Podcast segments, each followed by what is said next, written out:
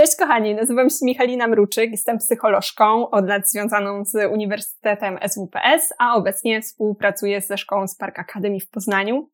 Witam Was na kolejnym webinarze Strefy Psycho Uniwersytetu SWPS. Dzisiaj moim i Waszym gościem jest Przemysław Staroń, z którym będziemy rozmawiać o samotności, którą możemy odczuwać nie mając oparcia wśród naszych znajomych.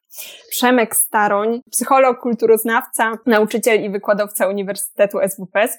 Osoba, która w ogóle słynie z tego, że stymuluje rozwój i wspiera rozwój młodych osób, ale nie tylko dorosłych e, i seniorów również.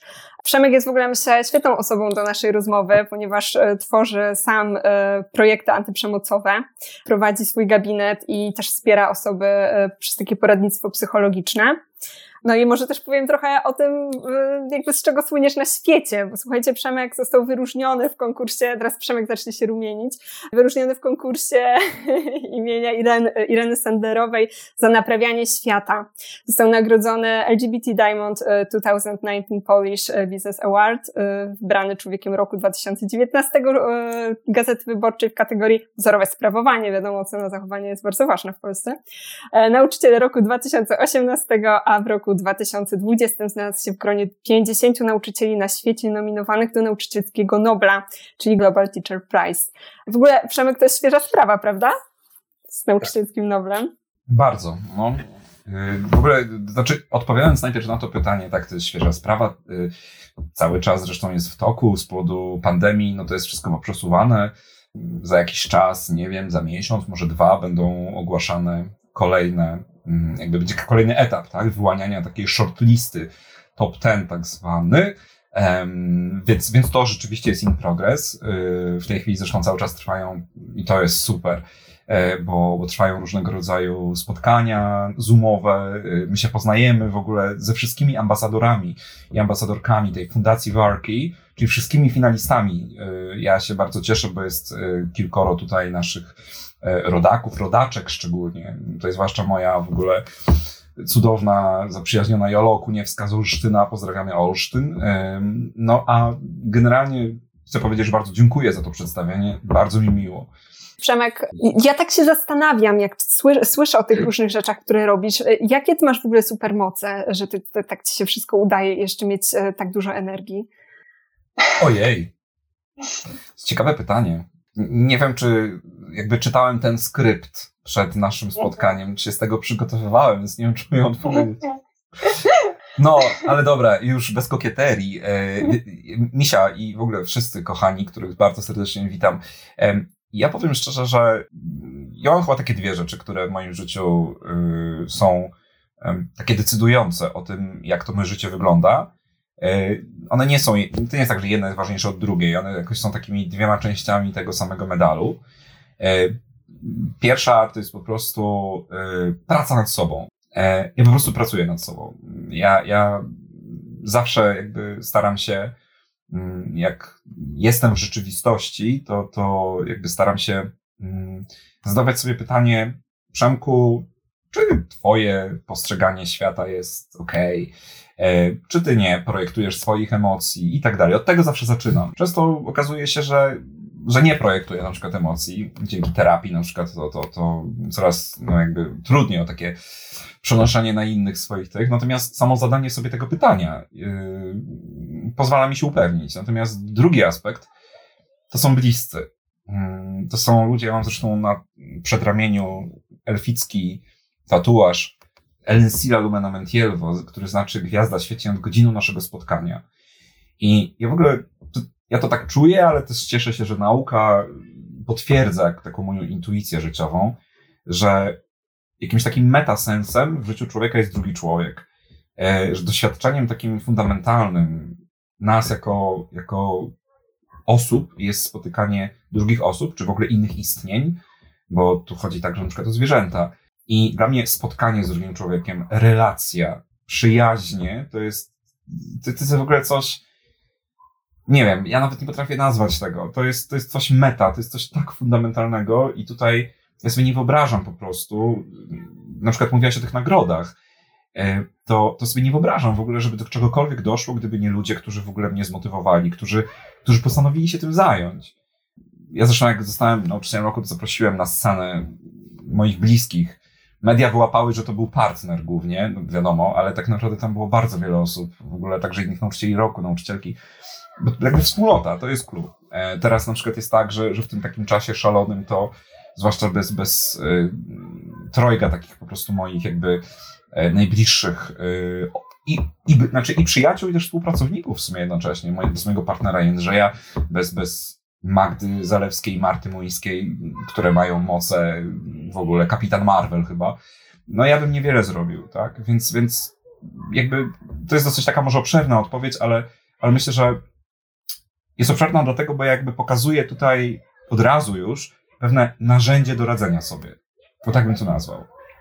No właśnie chciałam nawiązać do tego, bo dzisiaj tematem naszej rozmowy będą takie sytuacje, kiedy tych przyjaźni i tych ludzi brakuje, bądź są w naszym otoczeniu takie osoby, które nie wpływają na nas tak stymulująco i, e, i nie wspierają nas, ale wręcz przeciwnie. E, a chciałabym w ogóle zacząć od tego, e, Przemek, e, ty nie wyglądasz na taką osobę, która mogłaby się, wiesz, smucić i, e, wiesz, wydajesz się być taką osobą pełną energii i tak może cię odbierać jako takiego wiecznego optymistę. I zastanawiam się, jakie jest twoje doświadczenie. Czy doświadczyłeś w swoim życiu samotności, odrzucenia, przemocy, wykluczenia? A jak myślisz? Przewrotne pytanie. No wiesz co, e, myślę, że każdy z nas e, w pewnym momencie życia tego doświadcza i są pewne cechy, które sprawiają, że możemy doświadczyć tego częściej.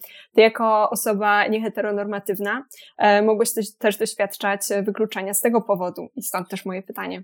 Wiesz co, oczywiście to było takie przewrotne, ale, ale tak naprawdę bardzo Ci dziękuję za to pytanie, bo myślę, że ja się dużo lepiej czuję, jak mogę mówić do ludzi o trudnych sprawach i stawać totalnie jako człowiek.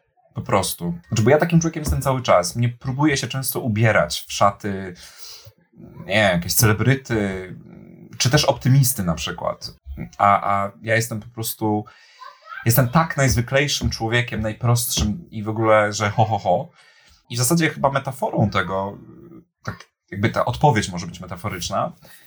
Ja jedną z przyczyn, dla których tak bardzo lubię Harry'ego Pottera, mm, to jest e, jego głęboka mądrość, która tam jest i wyraża się w tym, co, jakby z czym się zidentyfikowałem, z tym określeniem chłopiec, który przeżył. Tak mówi się o Harrym Potterze. I ja mogę tak powiedzieć o sobie. Jestem chłopcem, który przeżył. I tak jak sobie wspominam, jakby w sensie, nie wiem, moje dzieciństwo na przykład, E, ja akurat miałem naprawdę, mam mega bliskich, owszem, ale to też nie jest tak, że było jakoś nim idealnie w ogóle. Natomiast są takie jakby doświadczenia, które e, bardzo mnie jakby tak no, ukształtowały, y, a które mogły mnie zniszczyć. Ja miałem bardzo silną nerwicę szkolną w piątej klasie podstawówki. E, ja miałem potężne zaburzenia psychosomatyczne przez całe lata, tak naprawdę. E, ja zacząłem dopiero rozumieć te zaburzenia psychosomatyczne, jak zacząłem terapię na studiach swoją własną. Ja miałem naprawdę hu, hu, hu. Cały czas zresztą mam świadomość, że mam taką e, jakby tendencję osobowościową do, jakby to dobrze ująć, no po prostu takich zaburzeń depresyjno-lękowych. I jakby różnica, ja to często tłumaczę, bo ludzie mówią, no jak to jest możliwe, właśnie jak pan tak funkcjonuje. Bo właśnie to jest ta różnica, nie? Że ja próbuję coś z tym zrobić. I przez całe życie y, próbowałem coś z tym zrobić. Jakby młodszy, no nie wychodziło mi to jakoś często tak super. Y, na przykład bałem pójść do psychologa, co ciekawe, w wieku 12 lat. Naprawdę. A potem w ogóle to był mój wymarzony kierunek studiów. Natomiast absolutnie, y, no, no, ja powiem szczerze, ja naprawdę rozumiem, to jest chyba to, ja rozumiem co to znaczy cierpieć. A cierpienie ma wspólny mianownik. E, mini, znaczy, nie da się porównać cierpienia. Jeżeli cierpi jedna osoba z tego powodu i druga z tego, to jakby to nie ma znaczenia. Każda z nich wtedy odczuwa ból, tak? I, I dlatego ja po prostu rozumiem i przyjmuję i nie dyskutuję z żadnym bólem. Czy on jest taki, czy taki po prostu. I jakby mam w sobie takie poczucie, że dzięki temu właśnie doświadczeniu, to w psychologii zresztą nazywa się wzrostem posttraumatycznym, ja dzięki temu mogę pomagać. Ale co ważne, podkreślam cały czas, bo, bo mówi się często o nas psychologach, nie, że mamy problem ze sobą, to idziemy na psychologię. Ja szybko wtedy odpowiadam, że nie ma ludzi zdrowych, są tylko jeszcze nieprzebadani. Natomiast y, kluczowym właśnie aspektem jest to, żeby zająć się najpierw sobą. Zawsze. I to nie, że raz w życiu. Ja się po prostu codziennie sobą zajmuję w takim rozumieniu, że jakby troszczę się w zdrowy sposób o siebie i pracuję nad sobą. Gdybym tego nie robił, to obawiam się, że właśnie nie byłbym w stanie pomagać innym. Ja wtedy bym projektował na innych, tak, swoje problemy. E, więc jakby totalnie, wiesz, zapytasz mnie, nie wiem, o doświadczenia właśnie chociażby tutaj odnośnie LGBT, doświadczenia jakiegoś wykluczenia, czy, czy, czy poczucia dyskryminacji? Tak, pewnie, że tak. Absolutnie to kumam. Zapytasz, nie wiem, o y, zaburzenia depresyjne, o branie antydepresantów, wchodzenie do psychiatry? Pozdro, to ja, nie? Jestem taki sam. Wszyscy jesteśmy tacy sami. Powiedziałeś, że na początku, jeszcze jak miałeś 12 lat, y, trochę się obawiałeś z tego proszenia o pomoc, e, a myślę sobie, że w takich sytuacjach, kiedy doświadczamy cierpienia, e, to ta prośba o wsparcie, czy to psychologa, czy kogoś innego, e, jest dość istotna. I tak zastanawiam się, jak to zrobić, jak się przełamać i, i poprosić, powiedzieć komuś, cierpię, potrzebuję, żebyś przy mnie był, żebyś mnie wspierał. Ojej, to naprawdę z innego skryptu korzystałem. Bo to jest taki skrypt najtrudniejszych życiowych pytań. Wiesz co, ja w e, swoim skrypcie nie miałam twoich odpowiedzi, więc e, nie... nie, nie. Nie, żartuję, Misiu. No to jest pytanie w ogóle paradygmatyczne, bym powiedział. E, znaczy ja raz, że sam to dobrze rozumiem, to jeszcze jestem przekonany, że bardzo wiele osób doświadcza czegoś takiego. Ja odpowiem trochę przewrotnie. Mm, człowiek jest w stanie mm, naprawdę unieść całkiem sporo. E, natomiast każdy ma granice. Mm, I to jest tak, że nawet jeżeli my na przykład nie będziemy w stanie poprosić kogoś o pomoc, nie wiem, nie będziemy chcieli się udać, znaczy może będziemy chcieli, a jakby nie, coś nas będzie powstrzymywało przed udaniem się do psychologa, to mówię, trochę to zabrzmi przewrotnie, ale to znaczy, że jeszcze dajemy sobie radę. W momencie, kiedy człowiek przestaje dawać sobie radę, wtedy nie ma znaczenia, czy się boi psychologa, czy się boi. Po prostu wtedy jest szukanie ratunku. Yy, I ten ratunek się jakby, znaczy problem polega na tym, zawsze podkreślam, że kluczowe jest to, żeby do tego nie doprowadzić, bo, no bo różne rzeczy się mogą zadziać, bo może nastąpić taki kryzys psychiczny, że zwłaszcza jeżeli mamy jakieś tendencje na przykład takie osobowościowe do um, uderzania w siebie, tak? takiej jakby można powiedzieć przekierowywania, prób rozwiązywania problemów właśnie poprzez atakowanie samego siebie, to się naprawdę może zadziać źle, bo my możemy sobie zrobić krzywdę, cokolwiek to znaczy. Dlatego dobrze do tego po prostu nie dopuszczać. I zawsze podkreślam, że jeżeli już ta granica zostanie przekroczona, no to mówię, to, to, to, jakby ja to widzę bardzo często, tak? To wtedy po prostu szukamy pomocy, gdzie się da, tak? Mówi, to często tonący brzytwy się chwyta. Ja zachęcam przede wszystkim do tego, żeby mieć świadomość, że dobrze jest, jeżeli się jakby nie dojdzie jeszcze do przekroczenia tej granicy. I to jest taki jakby mój częsty argument, jak ja rozmawiam z ludźmi, nie? że po prostu ja często podaję metaforę szafy, że masz dużo ciuchów i próbujesz je upchnąć w szafie, no wiadomo, trudno jest, nie? Bo szafa się otwiera. No to w pewnym momencie stajesz i przytrzymujesz ręką drzwi. Hmm? I ta szafa jest zamknięta. Dopóki masz siłę, dopóty trzymasz te drzwi. Jest spoko ale ty nie wiesz nigdy, kiedy ty stracisz tę siłę. Może być taki moment, że będzie to podczas, nie wiem, idąc dalej tą metaforą, nie wiem, wizyty na przykład kogoś dla ciebie ważnego. I na przykład ty wtedy stracisz tę siłę. I po prostu przestaniesz trzymać i wszystko się z tej szafy wywali. Czyli mówiąc krótko, w najmniej odpowiednim momencie.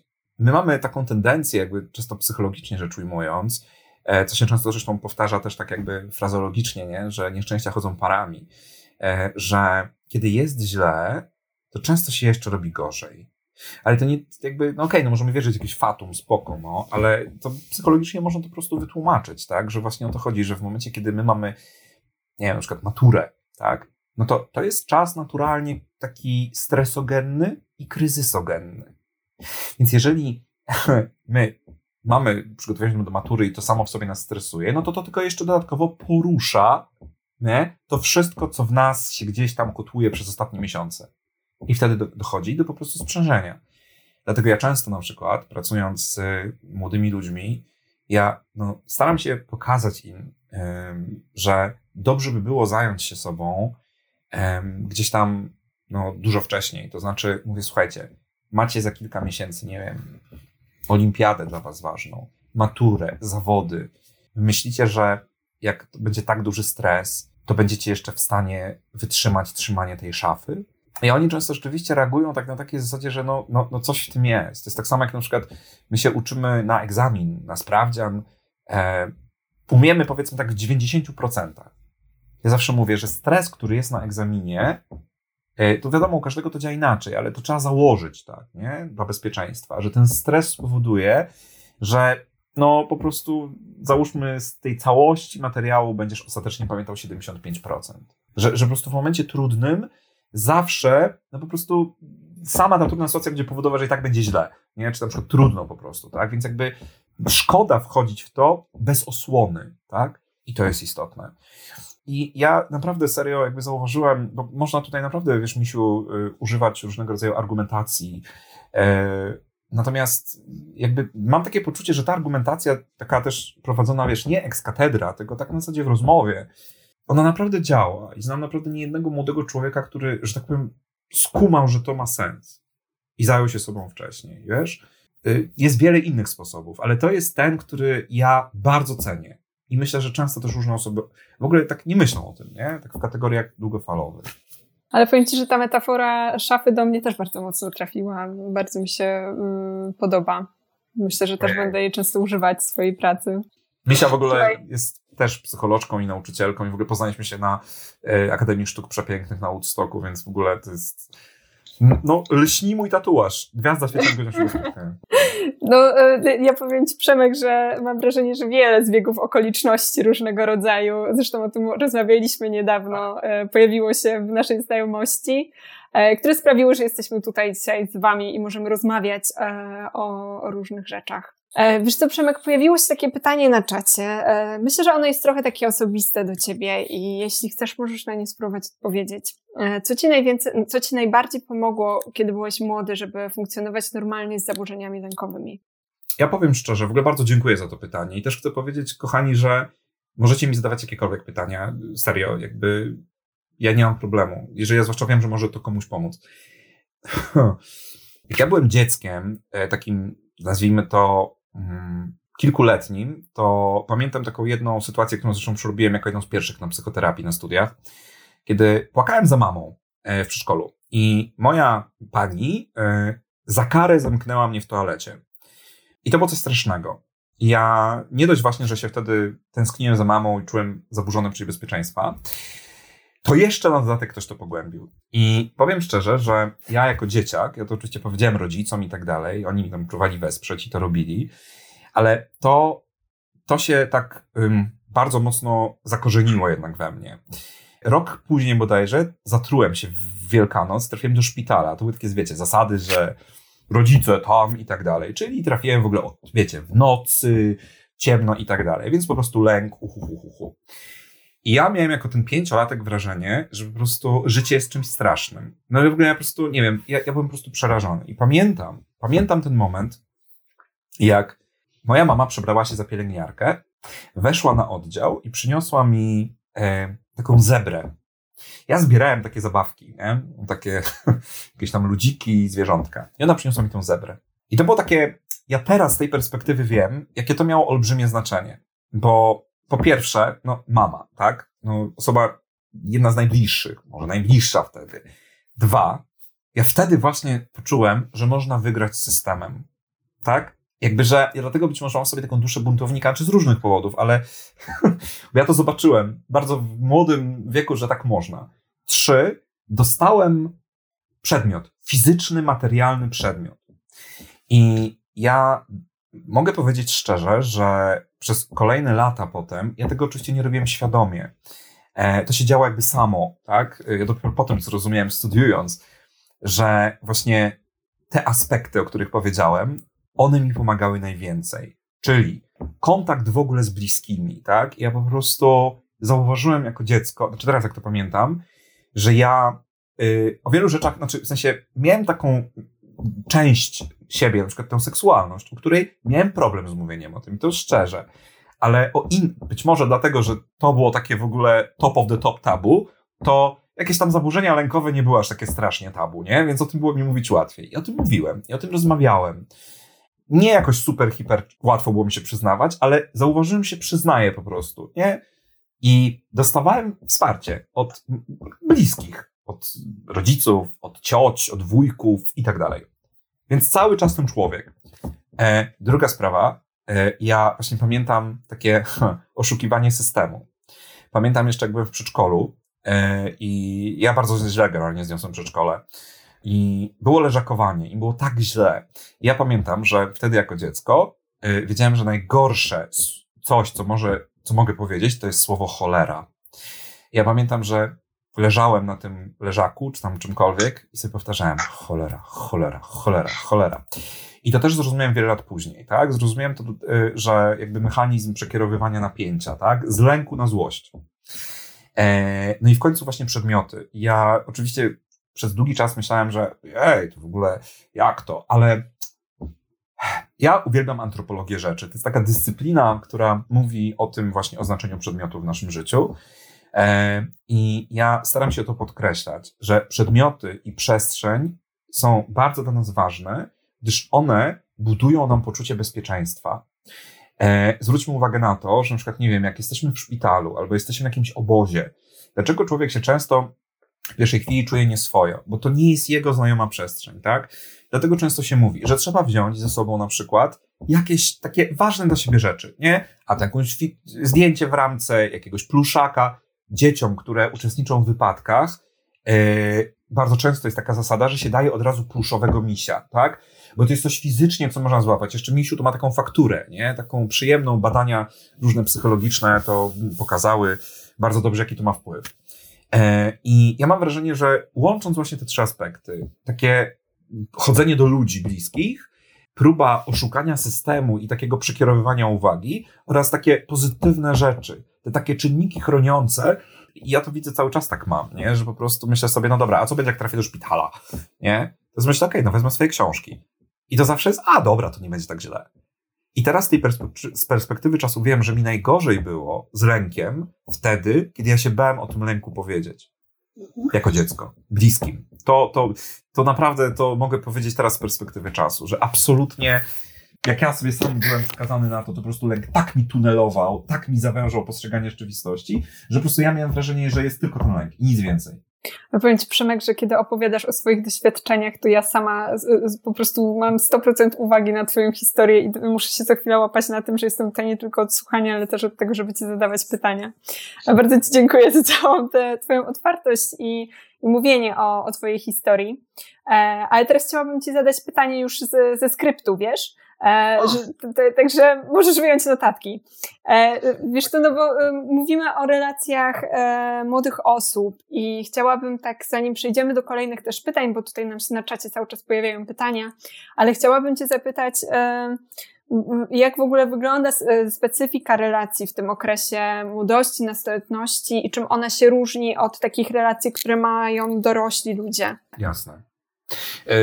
Ja oczywiście, znaczy to jest takie ciekawe, bo ja wiem, Misiu, że ty to wiesz przecież wszystko. I chętnie to, ja bym też cię za, zachęcił, bo, żebyś mówiła o tym, ale rozumiem no, tę formułę spotkania. Natomiast y, ja myślę, że nasi słuchacze y, chętnie się mogą tego dowiedzieć, y, a dowiedzieć się konkretnie czego? No pewnych faktów z psychologii rozwoju, tak? Bo rzeczywiście psychologia rozwoju to jest w ogóle jeden z moich, absolutnie jedna z moich ukochanych dziedzin nauki. E, ja dzięki psychologii rozwoju zrozumiałem bardzo dużo. E, jakby zrozumiałem właśnie, dlaczego my się różnimy, tak? I e, specyfika tego okresu dorastania e, jest e, o tyle ciekawa, że tutaj dochodzi do przede wszystkim tak dużych zmian w perspektywie tej, która jest podstawą naszego funkcjonowania, czyli biologicznej, że to jakby ukierunkowuje każdy z obszarów naszego życia. Czyli my, na przykład, przede wszystkim zmieniać nasze ciało, tak? Zmieniać nasze ciało i ja to zawsze mówię, że mm, ja w ogóle na, na studiach, jak pisałem pracę proseminaryjną, to badałem zagadnienie ja cielesnego. Tak? Czyli po prostu właśnie jak my się, znaczy nie zrobiłem metryczki, pamiętam, badania były do kitu, ale to jest inna historia.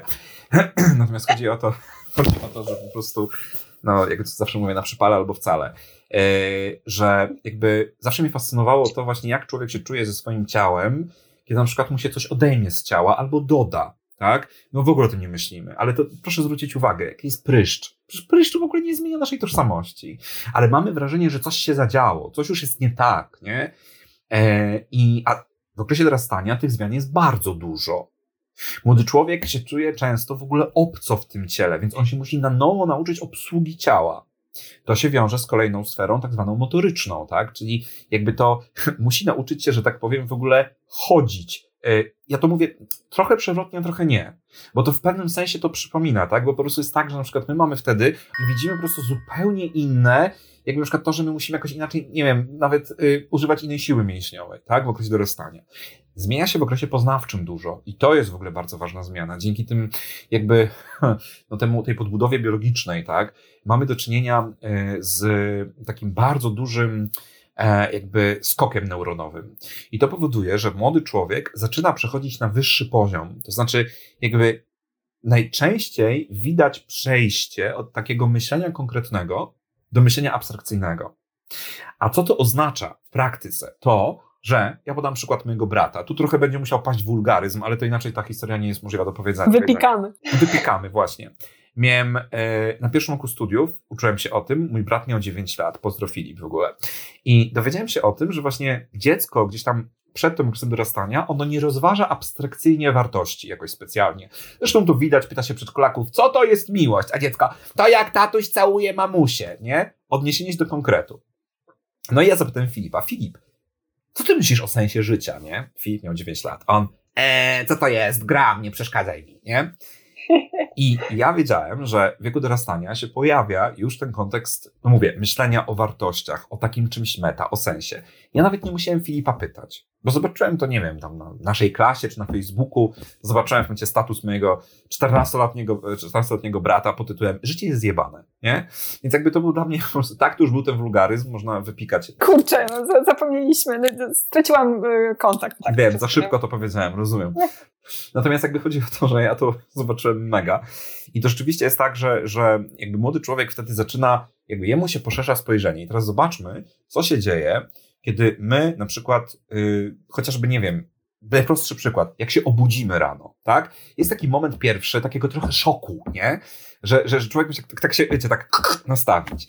Albo na przykład, nie wiem, wybudzamy się z narkozy. Albo na przykład, nie wiem, wchodzimy do bardzo jasnego oświetlenia. Mówiąc krótko, kiedy zaczynamy być bardziej świadomi, to też ma bardzo duży y, sens metaforyczny. Kiedy zaczynamy być bardziej świadomi, więcej widzieć, to jest moment takiego, co się dzieje, takiego zamroczenia, tak? Zresztą pisał o tym Platon, nie? Że jak się wychodzi z jaskini, to oślepia, oślepia wszystko i człowiek ma wrażenie, że w ogóle nic nie widzi. Po co ja wychodziłem z tej jaskini? Po czym przyzwyczaja się i mówi, o kurka, warto było, bo teraz rzeczywiście widzę, że to są jakieś prawdziwe przedmioty, a tamto to było w ogóle była iluzja. I młody człowiek jakby zaczyna widzieć tak dużo, że no, to, z czym to się wiąże? No z tym po prostu, że o matko, zaczyna prowadzić ścieżki na zasadzie a może tak, a może tak, a może tak, hipotetyczno-dedukcyjnie zaczyna myśleć. Czyli zaczyna myśleć o swojej przyszłości. Zaczyna myśleć w kategoriach jakby takich, bym powiedział się często mówi idealizmie młodzieńczym, tak? To jest tak zwany idealizm antycypacyjny. Zaczyna myśleć w ogóle, jak zmienić świat, czy to można jakoś poprawić, zaczyna czuć niezgodę na to. A co jest ważne, w tym okresie nie rozwijają się jeszcze za bardzo, aż tak bardzo, w sensie płaty czołowe, które są odpowiedzialne za kontrolę zachowań i za możliwość właściwej antycypacji zdarzeń. Czyli mówiąc krótko, młody człowiek bustuje mu się myślenie, na zasadzie widzi więcej, ale nie umie jeszcze adekwatnie przewidywać konsekwencji. Czyli, no wiecie, na zasadzie, aha, widzę więcej, ale jeszcze jestem w pewnym sensie ślepy, mówiąc kolokwialnie. I to powoduje, że ten młody człowiek jakby, no, widzi więcej możliwości, ale też jakby ma poczucie zamkniętych drzwi i on jakby próbuje je wyważać, próbuje odpowiadać sobie na pytania.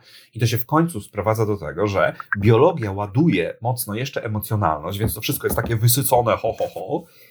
I na to wszystko ten młody człowiek dowiaduje się, że musi podjąć decyzję o życiu. Kim chce być? E, czy chce pracować tak, czy tak? A w ogóle z kim chce być? I w ogóle na przykład w zasadzie nie wiem, no jest jakiś taki Tomek, który ma kolegów, gdzie wszyscy koledzy tak fajnie się zachowują w stosunku do dziewczyn. A Tomek ma wrażenie, że on się czuje taki ojej, kiedy siada koło niego, nie wiem, Bartek, tak? I żyje w kraju, w którym generalnie w ogóle, hu, e, jeżeli na przykład powie, że lubi Bartka, tak szczególnie lubi Bartka, no to może być problem różnego typu. Więc jakby na tego młodego człowieka zawala się tak dużo rzeczy, po prostu tak dużo rzeczy i, i to właśnie to, co Erik Erikson powiedział, wtedy właśnie pojawia się być może najtrudniejszy kryzys życiowy, czyli właśnie próba odpowiedzenia sobie na pytanie, kim jestem, kim chcę być, kim nie mogę być, kim nie będę, kim chciałbym i tak dalej. Zderzanie tych wizji. No i teraz zobaczmy, w tym całym, wiecie, uhuhu, tyle się dzieje. Mamy tego młodego człowieka, który żyje wśród innych. I ci inni ludzie, którzy go otaczają, no, są głównym źródłem odpowiedzi na pytanie, kim on w ogóle jest. Czyli mówiąc krótko, młody człowiek przegląda się w innych jak w lustrach. Patrząc na innych, badając ich reakcje na samego siebie, formułuje sobie odpowiedź na pytanie, kim jest, ale przede wszystkim jaki jest. Czy jest fajny? Czy jestem atrakcyjna? Czy jestem good enough? Czy jestem spoko? Czy w ogóle to ma sens? I drobne sytuacje urastają do takich rozmiarów. To, że na przykład, nie wiem, kumpel z wyższej klasy na przykład powie, ej, chodź z nami na przykład na imprezę, to to jest po prostu, to jest wow. To jest znaczy, o matko, to ja naprawdę, oczywiście wiadomo, no, to się dzieje gdzieś tam na poziomie nieuświadomionym, tak? Ale jest takie poczucie, ja naprawdę muszę być fajny. Skoro ze starszej klasy ktoś mnie poprosił, nie? O to, żebym. To są takie drobne rzeczy. E, sytuacja, w której na przykład młody człowiek nie wiem, weźmy na przykład, no chociażby, tak? Często nie mamy w tym kraju edukacji seksualnej przecież, więc jakby ludzie robią młodzi na własną rękę to wszystko. Zresztą to brzmi dziwnie w tym kontekście. To swoją też, ale generalnie po prostu sami poszukują wiedzy. Szczęście jest Netflix i na Netflixie też się można sporo dowiedzieć. Dzięki Bogu, dokładnie o to chodzi, że jest Netflix, są książki, e, czy to Ani Rubik, czy to, co na przykład napisała Iwona Wierzba przecież e, w wydawnictwie Albus, czy jest w ogóle dużo tego śpiewać dzięki Bogu. I ciekawe jest to, że taki młody człowiek na przykład, on, no on próbuje, nie? On na przykład, załóżmy, nie wiem, próbuje jakoś nawiązać relacje, gdzieś tu się pojawia ta seksualność. I teraz ten młody człowiek nie wie o tym. No bo skąd ma wiedzieć? Że jakby motywacja na przykład do podjęcia współżycia seksualnego może wynikać z bardzo wielu rzeczy. W ogóle my dorośli o tym nie wiemy. Zofia Milska-Wrzesińska bodajże o tym pisała. O wielu powodach, dla których uprawiamy seks. Jest ich naprawdę wiele i pożądanie seksualne jest jednym tylko z i wcale nie najważniejszym. Seks często ma swoje funkcje, bardzo często psychologiczne.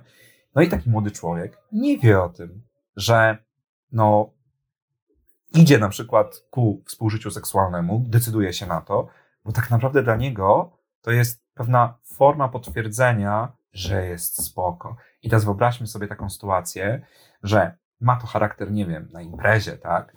E, załóżmy, nie wiem, no, coś nie wyjdzie, e, ten partner, partnerka seksualna, nie wiem, wyśmieją. Polecam film Galerianki. To tam bardzo dobrze to widać generalnie. I tam jest ta tragiczna historia tego chłopca. E, dla młodego człowieka to jest informacja, wiecie, nie? To nie jest tak na zasadzie, no dobra, ktoś tam o mnie tak powiedział, trudno. Nie, to jest cały świat. I to jest chyba kluczowa sprawa, że te wszystkie elementy powodują, że relacje dla młodego mają charakter totalny. Totalny i całościowy. Tak?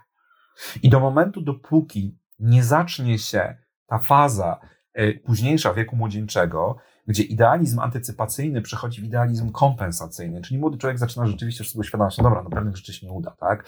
Zaczyna godzić się z tym, to naprawdę takie sytuacje, mówię, mają wymiar totalny. Dlatego jeżeli ktoś na przykład zadaje pytanie, jakim cudem ta dziewczyna popełniła samobójstwo? No przecież tylko nie wiem, no tam chłopcy ją zaczepiali, nie wiem, coś tam, nie? Albo dlaczego ten chłopiec, ten Dominik z Bieżunia popełnił samobójstwo? Może nawet wcale nie był gejem. Co z tego?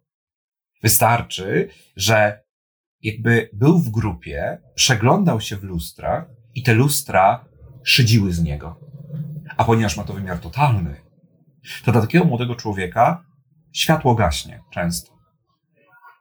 I to o to tu chodzi, i to jest to, co ja często próbuję jakby ludziom pokazać tę różnicę, dlaczego my musimy tych młodych ludzi szczególnie mieć świadomość, bo ich psychika jest delikatna jak ciemiączką noworodka. Skoro noworodki pilnujemy, żeby tam się ta czaszka zrosła, to pamiętajmy o tym tak samo, tak? O to tu chodzi. E, I jakby na przykład rodzice często też jakby nauczyciele, ja zawsze próbuję też jakby pokazywać, to nie jest łatwe. Ja nie jestem rodzicem, ale jestem nauczycielem. Ja widzę to, jak dzieciaki na przykład kontestują normy wyniesione z domu i przychodzą do mnie na zasadzie jestem ich nowym normodawcą, ale doświadczam tego też wtedy, kiedy one w pewnym momencie zaczynają moje, mnie kontestować, tak? I ja przestaję być norm, jakby w ich oczach normodawcą. Więc ja też doświadczam takiego poczucia odrzucenia, nie? To nie jest łatwe. Tak ja cały czas powtarzam, mimo wszystko my jesteśmy dorośli. Tę fazę mamy za sobą. My mamy zasób doświadczeń, których się możemy odwołać, tak? My naprawdę jesteśmy w lepszej sytuacji, mimo wszystko. Dlatego właśnie ci młodzi ludzie powinni być dla nas tacy, tak bardzo właśnie o, dbać o nich, to raz, a dwa, my nauczyciele, nauczycielki, rodzice, ja podkreślam, my, to my musimy wziąć na klatę to, że dla tych młodych, no, przez jakiś czas do pewnego momentu jesteśmy po prostu absolutnym wyznacznikiem, potem przestajemy.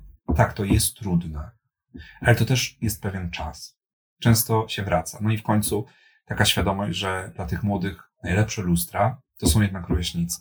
Ja się bardzo cieszę, że zacząłeś mówić o dorosłych. Ja spodziewam się, że mm, oglądają nas nie tylko nastolatkowie, ale oglądają nas też rodzice i nauczyciele. I bardzo cieszę się, że o tym powiedziałeś, dlatego że ja mam takie doświadczenie, że e, często y, źródłem też takiego poczucia osamotnienia wśród młodzieży jest takie mm, przekonanie, że nikt nie stoi po mojej stronie, bo ci rodzice się cały czas czepiają, bo ci nauczyciele mi mówią, jaki mam być, jaka mam być, co mam robić. Cały czas jest po prostu lawina oczekiwań, a ze strony tego nastolatka to jest zupełnie inna perspektywa, to jest zupełnie inna potrzeba w tym momencie niż ze strony tego dorosłego, który oczekuje, że ten nastolatek będzie tutaj spełniał takie normy, które zostały ustalone w domu. A z drugiej strony mamy nastolatka, który, tak jak powiedziałeś, ma, yy, no po prostu potrzebuje tych doświadczeń z, z rówieśnikiem i potrzebuje czasami też popełnić błędy, e, zrobić jakąś głupotę, nauczyć się na tym, a nie słyszeć tylko od dorosłych e, rzeczy typu nie rób tego, bo tam się oparzysz, bo się sparzysz, bo e, no. Przepraszam, no. zwłaszcza, że to jest wpisane w ogóle właśnie w to badanie, kim jestem. Ja muszę testować. Ja muszę mhm. testować i się, nie wiem, czy to po polsku, sparzać, tak? No bo jak mam się tego dowiedzieć inaczej? Z opowieści to, to tak nie działa, żeby usłyszeć od kogoś i już wiedzieć. Pojawiają się kolejne pytania, a e, nie wiem jak to się stało, ale rozmawiamy już 40 minut. E, no naprawdę. Tylko powiem e, osobom, które nas słuchają na marginesie, że mm, Przemek jak skończy, to, to chce się nagrodzić za dobrze poprowadzony webinar, a nasza rozmowa póki co idzie świetnie, więc jak, jak uda nam się szybko skończyć, to po prostu będę bić brawa, że się wyrobiliśmy. To jest, słuchajcie, w ogóle bardzo ważne, jeżeli chcecie się nagrodzić, to sami sobie wyznaczcie nagrodę, a nie oczekujcie, że ktoś zrobi to dla was. I Przemek tak właśnie zrobił. E, więc może powiesz, czym chcesz się nagrodzić za dobrze e... Do paczkomatu odbiorę przesyłkę z nową figurką Funko Pop. No. Edgara Alana Poe, Połego, nie wiem, co się odmienia. Bo ja w ogóle mam takie, y, jakby z tego właśnie, mm, no, y, z tych figurek pop bardzo lubię zbierać y, takich, takie autentyczne postacie. E, zresztą kiedyś właśnie ja czytałem w jednej z książek Szymona Hołowni o tym. On tak fajnie napisał właśnie, że lalki my powinniśmy robić tak, żeby Y, było dużo takich lalek, właśnie zabawek, po prostu właśnie fajnych różnych ludzi, specjalistów. No i dlatego ja na przykład oproszę, mam tutaj Leonardo da Vinci, Einstein, bo jakby ja próbuję jakby w ten sposób też pokazywać yy, i zbieram też różne zawody właśnie, nie? Jakby, że talenty są różne. Yy, no teraz właśnie przyjdzie pisarz, ale chcę też zamówić Michaela Jordana, że po prostu no hello, nie dajcie sobie mówić, że jak nie umiecie matematyki czy coś, to, to źle. Przemek, pytanie z czatu, żebyś mógł sobie iść po tę figurkę niedługo. No właśnie. e, dobra. E, jak hejt i odrzucenie wpływa na późniejsze bycie w związku? Czy jest to przyczyną problemów z zaufaniem? I co potem taka osoba może robić, e, by było jej łatwiej wejść w związek i w nim funkcjonować? Pytanie o miłość. Tak, tak, tak, super w ogóle. Ha! E, powiem szczerze, że mm, dziękuję oczywiście za to pytanie.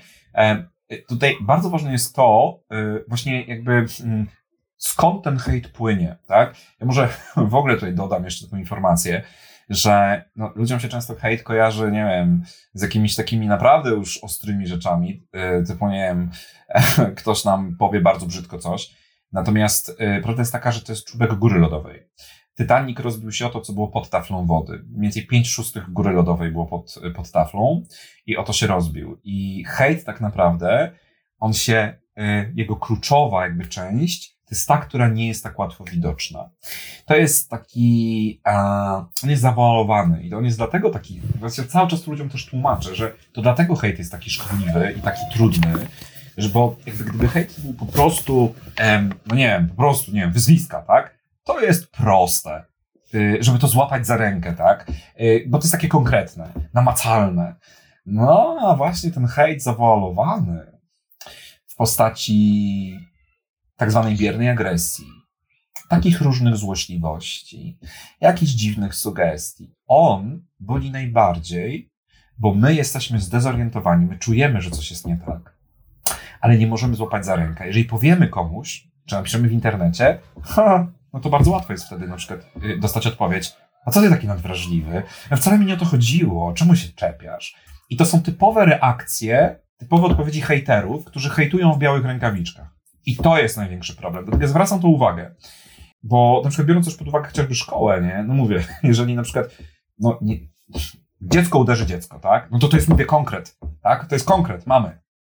A jakieś podjudzanie, jakieś głupie miny, albo na przykład, nie wiem, idzie koleżanka i tu stoją trzy i one się tak zacieśniają, udają, że jej nie widzą, to jest problem. To jest tak naprawdę najgorsza forma agresji, bo to jest agresja przekierowana. Dlatego y, myślę, że to jest bardzo istotne tutaj. E, natomiast drugą sprawą jest to, właśnie skąd ten hejt dostajemy. Bo tak na moim przykładzie, nie? E, jeżeli ja, załóżmy, nie wiem, przeczytałem o sobie w internecie, e, typu, nie wiem, że jestem głupim cwelem, to mi to nie robi. Jak to napisał jakiś anonimowy, nie wiem, troll. Natomiast jeżeli ja widzę ludzi, do których miałem poczucie, że ej, oni, oni są spoko, nie? I widzę takie właśnie zawoalowane, a w ciągu ostatnich kilku miesięcy sporo tego było, takie hejterskie komentarze, to to jest najtrudniejsze. E, dlatego y, ja zawsze jakby mówię, myślmy o tym, od kogo ten hejt płynie, jak ta osoba jest dla nas ważna, jakie mamy oczekiwania w stosunku do niej, bo wtedy to jakby wzmacnia jego działanie, plus w jakiej jest formie. E, I co ważne, w jakim to się jakby dzieje wieku. Generalnie zasada jest taka, że w całym okresie rozwojowym, czyli do 18 circa, 18 roku życia, trzeba mnożyć e, moc doświadczeń razy dwa. E, w okresie w ogóle wczesno-dziecięcym to w ogóle razy trzy. Ja oczywiście mówię metaforycznie, tego nie wyliczałem. A już w ogóle w tym okresie pierwszych miesięcy życia to to w ogóle razy 50. Bo wtedy się tworzy matryca. Jeżeli my hejt dostaniemy, załóżmy, jako dwunastolatkowie, dwunastolatki, nie wiem, mamy przyjaciółkę, która zrobi coś bardzo niefajnego w stosunku do nas, e, no to to będzie działało, tak, będzie bardziej tworzyło matrycę, tak, doświadczeń. E, ale to też nie będzie aż takie bardzo, jak na przykład to, co się dzieje w rodzinie.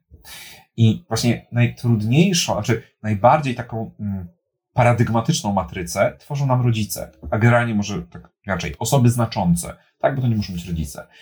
Czyli jeżeli żyję na przykład y, wiem, w, w rodzinie, w której jest ojciec przemocowy, załóżmy. Ja to, to upraszczam, tak trochę stereotypowo, nie? E, bo mam mało czasu. E, jego sposób jakby, mm, w sensie, no, kocha nas, nie? Tylko, że jakby to się wiąże z przemocą. To jakby te dwie rzeczy, które są absolutnie przeciwstawne w stosunku do siebie, miłość i przemoc, no, mają, tutaj są połączone. I teraz dziecko generalnie, yy, abstrahując już od tego, coś tam dzieje, te mechanizmy obronne, które stosuje, ono buduje sobie wtedy matrycę, że miłość jest nierozerwalnie związana z przemocą. To nie jest tak, że ono dokonuje refleksji. Nie, nie mamy tu mowy, ja to mówię o tym, co się dzieje tu w środku, pod taflą wody. I to dziecko, jakby ono jest zaprogramowane na to, że ono w takie relacje wchodzić będzie. Co ciekawe, ono werbalnie może mówić, że zwłaszcza, nie wiem, że będzie dorastało, nigdy takiego, takiego związku, jaki mają moi rodzice, dziewczyna na przykład mówi, nigdy nie dam się tak traktować jak moja matka. Mija 10 lat, albo nawet wcześniej, e, mija rok, i nagle się okazuje, że ta dziewczyna jest w przemocowym związku. To jest problem. Więc jakby powiem tak, że pamiętajmy po prostu o sile rażenia, pamiętajmy o epicentrum metaforycznie to nazwę, nie psychologicznie, zła. Czy to jest przemoc, E, chociaż te pojęcia są naprawdę, one są, mają tak jakby zazębiające się pola znaczeniowe, że w ogóle czasami mówię, że no naprawdę już można to często używać wymiennie, agresja, przemoc, hejt i tak dalej. E, natomiast chodzi po prostu o to, że pamiętajmy, skąd to płynie. E, jak to jest, w którym, jakim to jest wieku, jak to jest masowe. Im bardziej to jest blisko centrum, czyli właśnie osoby znaczące, jakieś naprawdę, osobą znaczącą może być na przykład właśnie bardzo ważny przyjaciel, czy nie wiem, pierwsza miłość, to to nam, nas będzie matrycować. To jest trochę to, wiecie, to jakby, no to jest, psychologia opisuje to mechanizmem wdrukowania, tak zwanego imprintingu. Pierwsze ważne doświadczenie, tak? Dlatego na przykład pierwsze doświadczenia seksualne, no one się zapisują w nas tak. I pytanie jest kluczowe. Dobra, no czyli jakby, okej, okay, czyli to może na mnie wpływać. Może. Najczęściej wpływa. Co zrobić? Szczerze, krótko, iść na terapię. To ja może dodam jeszcze, e, bo mamy trochę mało czasu, żeby się tak zagłębić w ten temat, ale jeśli chcecie trochę więcej dowiedzieć się na temat e, związków młodych osób i tego, jak pewne doświadczenia wpływają na nasze, na to, jak wchodzimy w związki, to Was zapraszam, żebyście sobie włączyli e, webinar z maja z Olą Żyłkowską pod tytułem Związek dwóch młodych osób. Tam całe półtora godziny spędziłam z Olą rozmawiając właśnie o Związku Młodych Osób, więc może tam sobie też znajdziecie coś ciekawego dla Was. Rewelacja. Korzystajcie z wielu źródeł, dobrych źródeł, ale wielu źródeł. No tutaj akurat y, strefa psyche Uniwersytetu SUPS to jest jedna z najlepszych rzeczy, które w ogóle są antidotum na dramat polskiej edukacji, bo można naprawdę rzetelnej, rzetelnej wiedzy po prostu dużo się ogarnąć. Nie? Okej, okay. E, Przemek, kolejne pytanie. Mm, przyspieszamy trochę tempo. Jak reagować na hejt od rówieśników? Y, to przede wszystkim pytanie jest takie, jakby z, z, pozycji kogo pytasz, tak? E, mhm. Bo inaczej się reaguje, jeżeli jest się tym rówieśnikiem, inaczej nauczycielem, nauczycielką, inaczej rodzicem. Okej, okay. to super, że o tym mówisz, bo kolejne pytanie jest chyba z perspektywy właśnie osoby dorosłej, co robimy, kiedy widzimy, że dziecko jest odrzucane przez innych. Więc możesz od razu tak. spróbować do tego nawiązać. Super. Wszystko się zaczyna w ogóle od tego. Słucham? Nie, nic, ja tak się śmieję, że tak e, pięknie nawiązujesz, że po prostu czytasz w myślach naszych e, e, widzów. Ale to jest niesamowite, bo ja nie widzę tych pytań w ogóle, więc jakby po prostu... Ale to, bo to są takie najbardziej kluczowe, nie? Właśnie co robić? Co robić? Bo jedno to jest zrozumieć, no i w ogóle to jest właśnie początek, y, od, początek reagowania, to jest zrozumienie mechanizmu. Dlaczego to jest takie ważne? Dlatego, że no, my często chcemy na przykład zlikwidować jakieś zjawisko, nie? Chcemy, że na przykład, nie wiem, moje dziecko nie było hejtowane. Ale pomyślmy tak, że yy, odwołam się tutaj do takich doświadczeń yy, z dzieciństwa. No, moi rodzice bardzo mnie wspierali, ale oni są na szczęście bardzo mądrymi ludźmi. I oni nie zrobili mi nigdy, mówiąc kolokwialnie, yy, nie wiem jak się teraz mówi, no u mnie się mówiło siary albo obory.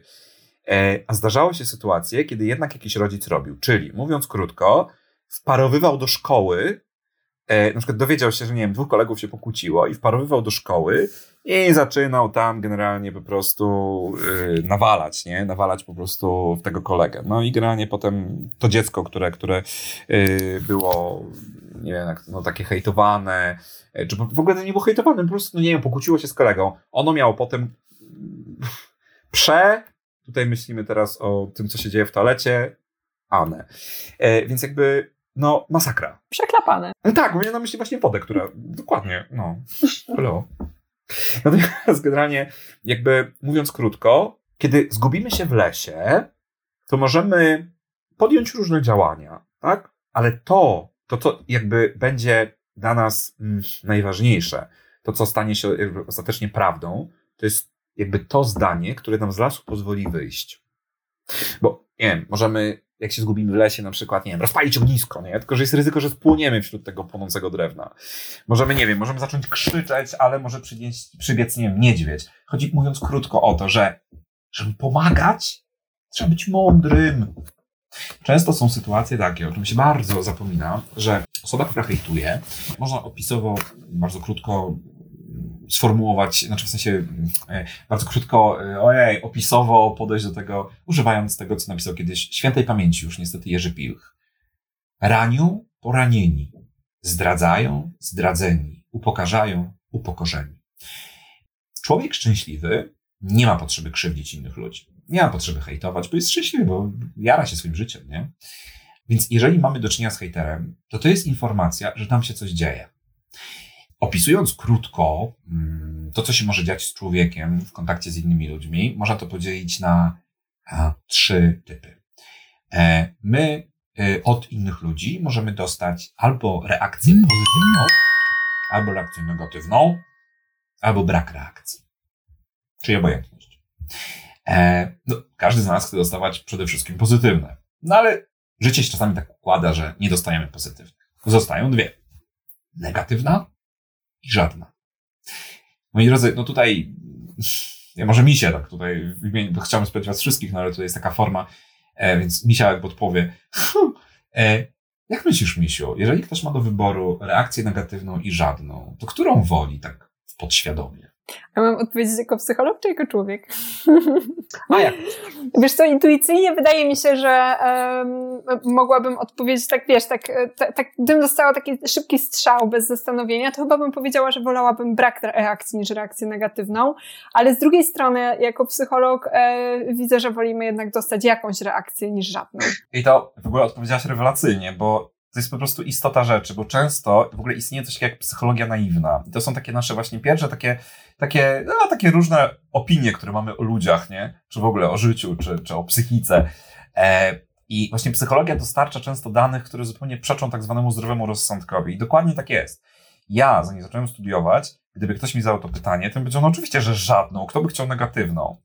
Natomiast dzięki psychologii zrozumiałem, że yy, zresztą to trochę tak przywołam pewną sytuację, jak miałem zajęcia z filozofii i pojawił się taki filozof, który mówił, że to był George Berkeley i on miał taką zasadę esse est percipi, czyli istnieć to być spostrzeganym. Ja to próbowałem wytłumaczyć.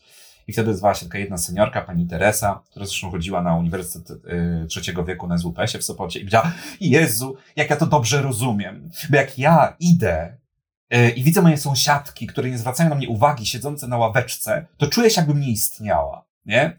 To bardzo dobrze jest to powiedziane, że jeżeli nie dostajemy żadnej uwagi, to no, po prostu mamy wrażenie, jakbyśmy nie istnieli. Okazuje się, że dla nas brak reakcji od drugiego człowieka, nul totalny, to jest najgorsze, co może być. Reakcja negatywna, jeżeli mamy tylko te dwie do wyboru, jest lepsza, bo jest jakaś. Tak? Bo ktoś na nas zwraca uwagę. Często się nawet mówi. Nieważne jak, byleby mówili. Nie? E, I taki hater, niejednokrotnie, on nie wie o tym oczywiście, bo no, hater też jest po prostu osobą, jest ofiarą czegoś, tak? E, robi zło, oczywiście tego nie należy usprawiedliwiać, ale jakby coś za tym stoi. I często jest tak, że po prostu hater jakby w ten sposób dostaje uwagę. On dostaje uwagę, on w ten sposób czuje się ważny, bo ktoś cały czas na niego nawala. I teraz zobaczmy, jeżeli my będziemy robić mu wiecie, cały czas się wkurzać na niego i tak dalej, to, to my go będziemy go karmić. I to będzie trwać. Dlaczego na przykład nauczyciele często mi powiedzą, dlaczego ten uczeń, który jest takim łobuzem, ja tutaj cały czas mu zwracam uwagę w ogóle i się nie zmienia. A no właśnie dlatego. Bo ty mu cały czas jakby go odżywiasz. On dostaje to, czego potrzebuje. I często ludzie mówią, to co wtedy zrobić? Wiecie, yy, no, najbardziej idealną sytuacją, która w ogóle potrafi naprawdę w ogóle problem hu, hu, rozwiązać i to tak, że po prostu potem się w ogóle zadziewają niesamowite rzeczy, jest takie. To kiedyś y, ojciec Żmudziński pisał o tym w książce Narkomanii Chrystus. To akurat nie ma znaczenia jakby kwestia religii, nie o to chodzi. To chodzi po prostu o to, że tam była historia takiej kobiety, która, która po prostu zaczęła brać narkotyki do takiego stopnia, że zaczęła kraść pieniądze na narkotyki i i pewnego razu ukradła takiej starszej pani, pobiegła w bramę, schowała się z jej torebką i w momencie poczuła, że ktoś jej kładzie ręce na głowie. I ona taka spojrzała, o co chodzi, zobaczyła, że to była ta kobieta, nie? w ogóle ułamki sekund, ona nie wiedziała, jakim się tak szybko znalazła. I ta kobieta spojrzała, ona jakby opisywała, że nikt jej nigdy tak nie spojrzał w oczy. Jakby ona, ona przeniknęła ją po prostu i z takim wyrazem twarzy który był taki totalnie, ona nie potrafiła tego opisać, taki totalnie jakby koncentrujący się na niej. Ta kobieta powiedziała, biedna, nieszczęśliwa dziewczyno, ciebie chyba nikt nie kocha. I ta kobieta powiedziała, że ona wtedy puściła tę torebkę, puściła się jednocześnie w bieg, zaczęła ryczeć w trakcie i powiedziała, że to było doświadczenie, które jakby było doświadczeniem przełomowym, e, które pomogło jej wyjść jakby z nałogu, tak? Stało się takim źródłem, kamieniem węgielnym, jeśli tak mogę nazwać. I to jest szczerze, i to jest w ogóle rzecz najlepsza. To jest rzecz absolutnie najlepsza, tylko że ja mam świadomość, że często to jest trudne. Natomiast mądry opiekun, nauczyciel, może to rozegrać. W jaki sposób? Słuchajcie, no to jest chociażby kwestia wsadzenia kogoś w rolę, tak? Jest taka zasada na szkoleniach, jak masz trudnego uczestnika, to daj mu rolę jakąś. I, I to jest między coś takiego. Jeżeli masz urwisa, masz kogoś, kto się niefajnie zachowuje, to, to jakby to trzeba zrobić szczerze oczywiście. Znajdź w tym człowieku coś, co możesz docenić. Szczerze. Bo jeżeli nie będzie szczery, to to nie zadziała. I powiedz mu to. Skup się na tym. I to wtedy naprawdę odmienia często sytuację o 180 stopni, bo ten człowiek w końcu, on dostaje tę uwagę, ale on dostaje tę uwagę, której nie wiedział w ogóle, że może. Czyli pozytywną. I nagle widzi, jakie to jest fajne. I on po prostu naturalnie w to wchodzi, tak? I jakby ja powiem też yy, yy, jakby no szczerze, że Mm, o tym to w ogóle można mówić dużo. Zresztą ja ostatnio rozmawiałem z Ewą Plutą z UPS o propos hejtu, więc tam też możecie poczytać więcej, jak to się ukaże. Ale to jest naprawdę strategia najlepsza. Natomiast taka strategia, e, która generalnie jest e, taka często, znaczy dla mnie, wiecie, oczywista, nie? ale wiem, że to nie jest oczywiste, to nigdy nie milczeć. Ale to też nie oznacza, że trzeba się odzywać od razu. Tak? Bo mówię, bo to trzeba być mądrym. Jak nas uczyli na kursach pomocy przedmedycznej, martwy ratownik to zły ratownik możesz komuś zwrócić uwagę, oburzony w autobusie, tylko pamiętaj o tym, że ten ktoś, jeżeli na przykład, nie wiem, jest tym narkotyków, to może podejść i cię zdzielić i po prostu polecisz, sobie rozbijesz głowę i papa. Trzeba mądrze reagować, tak? Wiesz co, jak o tym mówiłeś, to mi się przypomniały takie słowa, które mm, zbudowały w ogóle mój e, światopogląd, jeśli chodzi o patrzenie na osoby, które e, są sprawcami przemocy. Byłam e, jako studentka na wykładzie Bogdana de Barbaro i on wtedy powiedział, że osoba, która, że, że przemoc zawsze wynika z, bez, z bezradności. E, I kiedy o tym opowiadasz teraz, to mi się przypomina taka rozmowa, e, myślę, że to jest temat, który Ci się w ogóle spodoba, rozmowa z uczennicą, z czwartoklasistką, która chciała opowiedzieć grupie o pewnej swojej, o pewnym swoim kłopocie, o niepełnosprawności. E, ale ona bardzo się bała, co się stanie, jeśli pojawi się taki hater, osoba, która zacznie ją z tego powodu wyśmiewać. No i zaczęłyśmy sobie trochę w to wchodzić, rozmawiać o, o, o tym, co się może stać.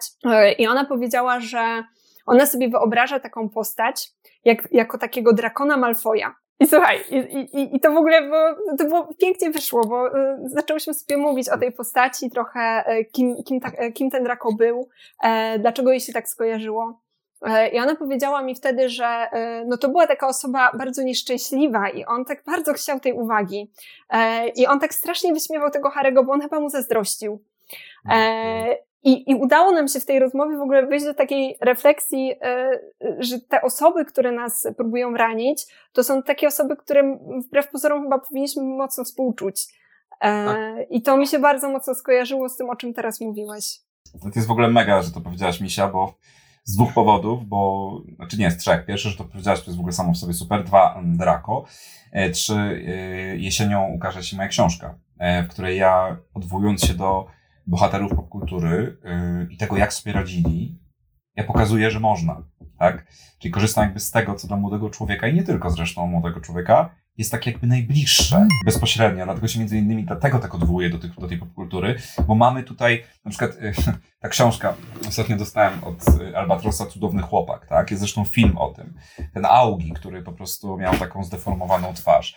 No, na podstawie tego filmu ja naprawdę już paru osobom tak wyjaśniłem kilka rzeczy. Są takie bardzo wprost po prostu sytuacje, które zapadają w pamięć, tak? E, I, a to, co powiedziałaś, to jest w ogóle mega. Ja, ja, ja, ja zawsze staram się ludziom pokazywać y, różnym, i hejterom, i, hejtują, i, i, i hejtowanym, i tym, którzy w ogóle tego nie rozumieją, że jest oczywiście różnica między usprawiedliwianiem a wyjaśnianiem. Nigdy nie usprawiedliwiać należy zła. Natomiast to nie jest to samo, co wyjaśnić, tak? A też jakby jest różnica pomiędzy akceptacją i aprobatą. Ja zawsze mówię, że człowieka powinniśmy akceptować w całości, niekoniecznie aprobując jego czyny. I odwołuję się do, nie wiem, matki mordercy, która kocha swojego syna, ale potępia to, co zrobił. I w tym sensie, jakby rozumiejąc to, można komuś współczuć rzeczywiście, jednocześnie widząc zło, które robi, je potępiając. Natomiast absolutnie tak. I ja powiem szczerze, że w ciągu kilku na przykład ostatnich miesięcy E, doświadczyłem szczególnie tego, tak? No, były momenty, kiedy po prostu ja właśnie patrzyłem jak, bardzo, ja bardzo, ja jestem w ogóle takim barometrem, moi znajomi się ze mnie śmieją. Ja nie dość, że wyczuwam błyskawicznie czyjeś emocje, może dlatego, że sam po prostu umiem się obchodzić swoimi, wyczuwam też błyskawicznie intencje. I jakby ja naprawdę po najdrobniejszym tekście potrafię skumać, z jaką intencją ktoś przyszedł do mnie. Więc jakby czytając różne rzeczy, na przykład w internecie, ja to po prostu widzę. I na przykład wziąłem parę takich osób na Messengera i tam zadałem kilka pytań po prostu, tak? I to zawsze się kończyło w ten sposób. Zazdroszczę ci. Masz wielkie ego. Nie mogę poradzić sobie z tym, że masz wielkie ego. Więc jakby, mówiąc krótko, yy, ja, ja, ja tutaj nie mam najmniejszych wątpliwości, tak? Że, że no, człowiek no nie ma, no nie, no sorry, no, no ja, bo niektórzy mówią, że pana może tak jednak jest. No nie, nie jest. Ja naprawdę nie znam człowieka szczęśliwego i to nie to, że ja nie znam, więc nie ma.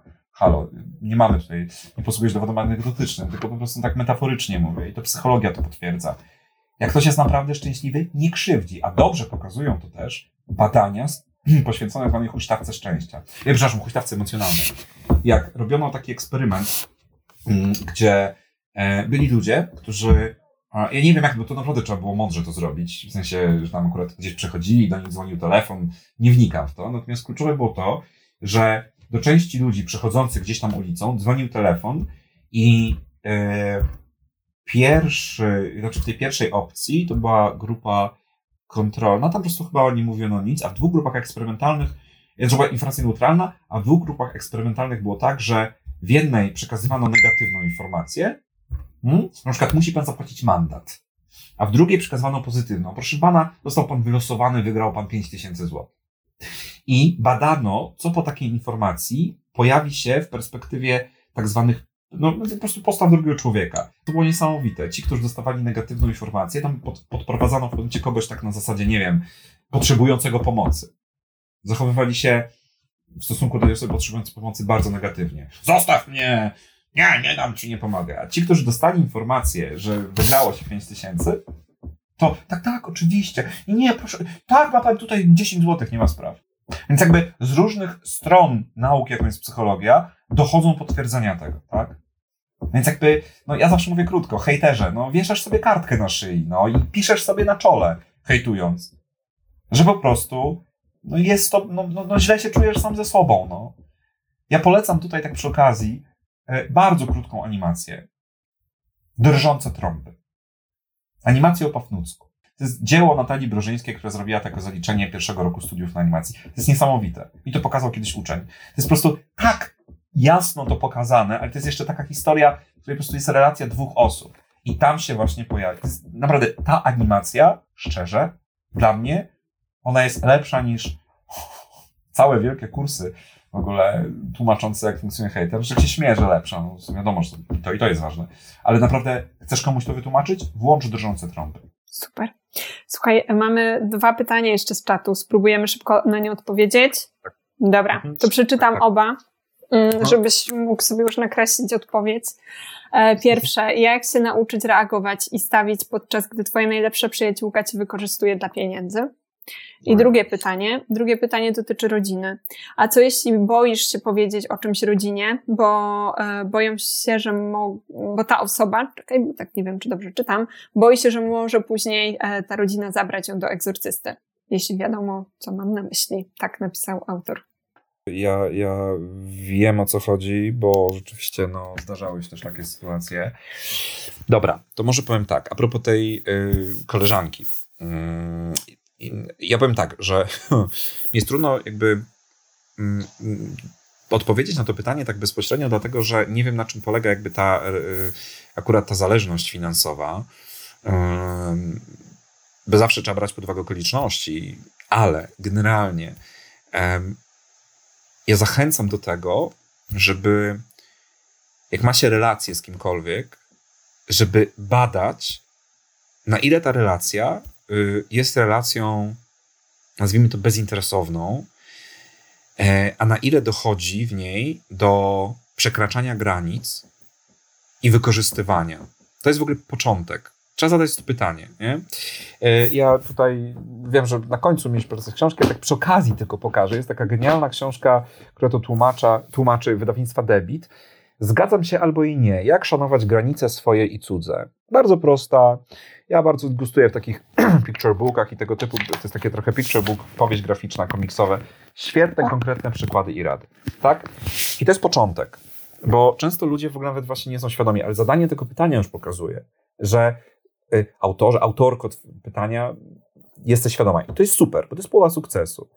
I ja powiem szczerze, też wyobrażam sobie, jakie to musi być nieprzyjemne. W ogóle to jest w ogóle bez dwóch zdań i jasne. E, kiedy uświadomimy to sobie, często dochodzi do świadomości, y, kolejnej jakby tu poziom świadomości, że my jesteśmy na przykład uwikłani, tak? Że okej, okay, no dobra, ktoś mnie wykorzystuje, ale, ale ja nie mogę za wiele zrobić, tak sobie mówimy. I tutaj się kłania ten egzorcysta, tak? Bo to jest bardzo dobry przykład. Bo jeżeli ja coś zrobię, to będzie jakaś konsekwencja, bo tam koleżanka wygada, bo nie wiem, rodzice coś zrobią. Yy, czyli co tu się pojawia? Na zasadzie, ok, jestem świadomy, chcę to zmienić, ale jest blokada. Ja odpowiadam zawsze krótko, że to jest obszar, w którym doskonale można włączyć jedną z podstawowych rzeczy i w ogóle podsta podstawowych w ogóle nam wszystkim, mianowicie myślenie kreatywne. Ale co to oznacza konkretnie tutaj? To jest wygenerowanie rozwiązań. Czyli mówiąc krótko, my często jak spotykamy problem, mamy wrażenie, o nie, jesteśmy w matni. A prawda jest taka, że jeżeli ten problem, na przykład zmusimy się do tego, żeby znaleźć, nie wiem, jakąś nie wiem, 50 rozwiązań, albo na przykład jest też takie ćwiczenie, łamacz mitów, wymyśl coś niemożliwego. I ludzie wymyślają, i potem się mówi, to teraz przekształć to w możliwe. Ja uwielbiam to ćwiczenie. E, bo to jest, tam naprawdę takie rzeczy w ogóle zachodzą, bo często dochodzi, dochodzi do tego, że my przeformułujemy, Przeformułowujemy. E, tak. Polska języka, trudna języka. Się będę przyznawał, że jestem odbiczykiem z polskiego czasami, bo to wstyd. Ale to po prostu chodzi o to, że e, superbohaterowie też mają swoje gorsze dni. Ale tak zupełnie serio, jakby chodzi o to, że e, często jak problem zostanie przeformułowany, to jest totalna w ogóle zmiana perspektywy. Tak podam przykład. Kiedyś miałem zajęcia w zakładzie karnym i pamiętam, że jeden z uczestników wymyślił niemożliwość pod tytułem nie można uciec przed śmiercią. No i mówię, jak to Piotrze w ogóle ogarnąłeś? No, miałem jakiegoś takiego kolegę imiennika zresztą, który się nazywał Piotrek Śmierć i był słaby z WF-u. Ja go tam ciach, ciach i tak dalej, nie? I jakby, jak się przyjrzymy tak naszym problemom, to często się okazuje, że rzeczywiście, jak się popatrzy trochę pod innym kątem, to widać coś innego. E, ja y, zachęcam też zresztą do pogłębienia takiego, jest taki sposób, który łączy w sobie i taki, no powiedziałbym, starożytnych szkół etycznych, y, bardzo aktualny, ale też osiągnięć psychologii. Mianowicie mm, bardzo dobrze jest to opisane w książce Berkmana y, Szczęście, poradnik dla pesymistów. Mianowicie my często próbujemy się jakby ogarnąć, znaczy próbujemy sobie pomóc poprzez szukanie jakby takich tłumaczeń, że coś się wcale nie stanie złego, nie? Tylko na wsiadam do samolotu, boję się strasznie, mi katastrofa i sobie tłumaczę, nie, nie, nie, nic się nie stanie, spokojnie i tak dalej. Tylko, że problem polega na tym, że racjonalność wtedy za bardzo nie działa, a lęk potrafi małe prawdopodobieństwo tak yy, zmaksymalizować. I co się wtedy robi? Trzeba użyć strategii przeciwnej, strategii najgorszego możliwego rozwiązania. Co najgorszego się może wydarzyć? No, co najgorszego? No w takiej sytuacji nie wiem, mogę umrzeć w katastrofie. No i co się wtedy stanie, jeżeli to się wydarzy? No umrę, nie będę się musiał tym przejmować już, nie? I do każdej sytuacji jakby warto zastosować tę strategię. Boję się, że na przykład, nie wiem, ktoś mnie weźmie do egzorcysty, nie? Ja, ja pamiętam taką sytuację, kiedyś dosłownie miałem, yy, jak, jak, jak dziecko się, jakby młody człowiek podobnie się bał, nie? I pamiętam, że ten młody człowiek wymyślił takie coś, że spoko, to pojedzie i na przykład, nie wiem, zrobi tam takie przedstawienie w ogóle, nie? Że, że po prostu no, potraktował to tak naprawdę jako taką, że to on będzie jakby tutaj tym, e, jak to się mówi, e, to on będzie jakby górą, tak? To, to on będzie jakby rozdawał karty. I to jest naprawdę dobra strategia. E, czyli mówiąc krótko, jakby uświadomić sobie pewną niemoc, ale też początkową, ale uświadomić sobie też, że jakby, tak mówiąc metaforycznie, Problem to jest rozwiązanie, które odwróciło się do nas plecami. Wszystko ma rozwiązanie. Wszystko. Albo polegające na tym, że my zmienimy rzeczywistość, albo zmienimy swoje nastawienie. Bo e, jeżeli na przykład, nie wiem, okaże się, że nie wiem, chcemy poderwać tę dziewczynę, tak? To co? No, albo ją poderwiemy, albo my ostatecznie no, po prostu się wyleczymy z, z niej, że tak powiem, tak? Nie ma problemów, które siłą rzeczy, które się nie da rozwiązać. I to jest naprawdę bardzo ważna sprawa, bo to jest w ogóle absolutny fundament. Natomiast dodam to, co mówiłem na początku, że tym takim pierwotnym doświadczeniem każdego z nas i najważniejszym w życiu jest drugi człowiek. Jeżeli masz poczucie, że nie wiesz, jak jakiś problem rozwiązać, brakuje ci wyobraźni, siły i tak dalej, to pójdź do kogoś, komu ufasz. Ja czasami słyszę coś takiego, pana, ale ja nikogo nie mam. Ja mówię, no ale przyszedłeś do mnie. No to chyba jednak ktoś jest. I często tylko osoba mówi, a no faktycznie. Ja mówię, może jest jeszcze ktoś. No w sumie, bo je...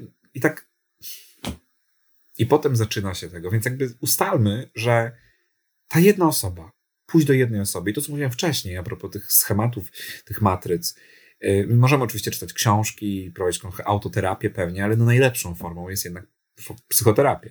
I tak samo można tutaj. Jeżeli nie potrafię poradzić z jakimś problemem, to po prostu udać się do psychologa. Yy, I tak jak ja się kiedyś bałem jako dziecko, ja już teraz wiem, zresztą były inne czasy, że to nie ma sensu, ale często ludzie też mają wrażenie o matku, pójdą do psychologa. Ty nie musisz do psychologa na zasadzie, że no tak, to teraz zaczniesz 20-letnią terapię. Czasy freudowskiej psychoanalizy, takiej ortodoksyjnej minęły już bardzo dawno. Już raczej tak, no, jak ktoś ci proponuje 20-letnią psychoterapię, to raczej tak uważaj.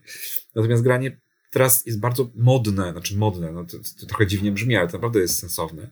Używanie, yy, znaczy w sensie korzystanie z usług terapeutów, yy, którzy na przykład, no nie wiem, ustawiają terapie krótkoterminowe, a czasami w ogóle to są po prostu spotkania, jedno, dwa, trzy, jakby, których celem jest po prostu pomoc w rozwiązaniu określonego problemu. Więc jak już naprawdę masz poczucie, że nikogo nie ma, to się uda. Jeżeli nie masz takiej osoby, są świetne linie zaufania, tak? Gdzie możesz zadzwonić i po prostu podzielić się tym, tak? To jest najważniejsze. Nigdy Przenigdy, dopóki nie będzie katastrofy atomowej, która wybije wszystkich i będziesz tym szczęśliwcem, bądź nieszczęśnikiem, który zostanie jako ostatnia żywa, y, ostatni żywy człowiek na tej ziemi, dopóki ta sytuacja nie nastąpi, nigdy tak naprawdę nie jesteś sam. Ani sama. Super. To ja jeszcze na końcu y, skończę taką refleksją. Y, podzielę się takim swoim marzeniem. Ja bardzo bym chciała, żeby w polskich szkołach było więcej psychologów.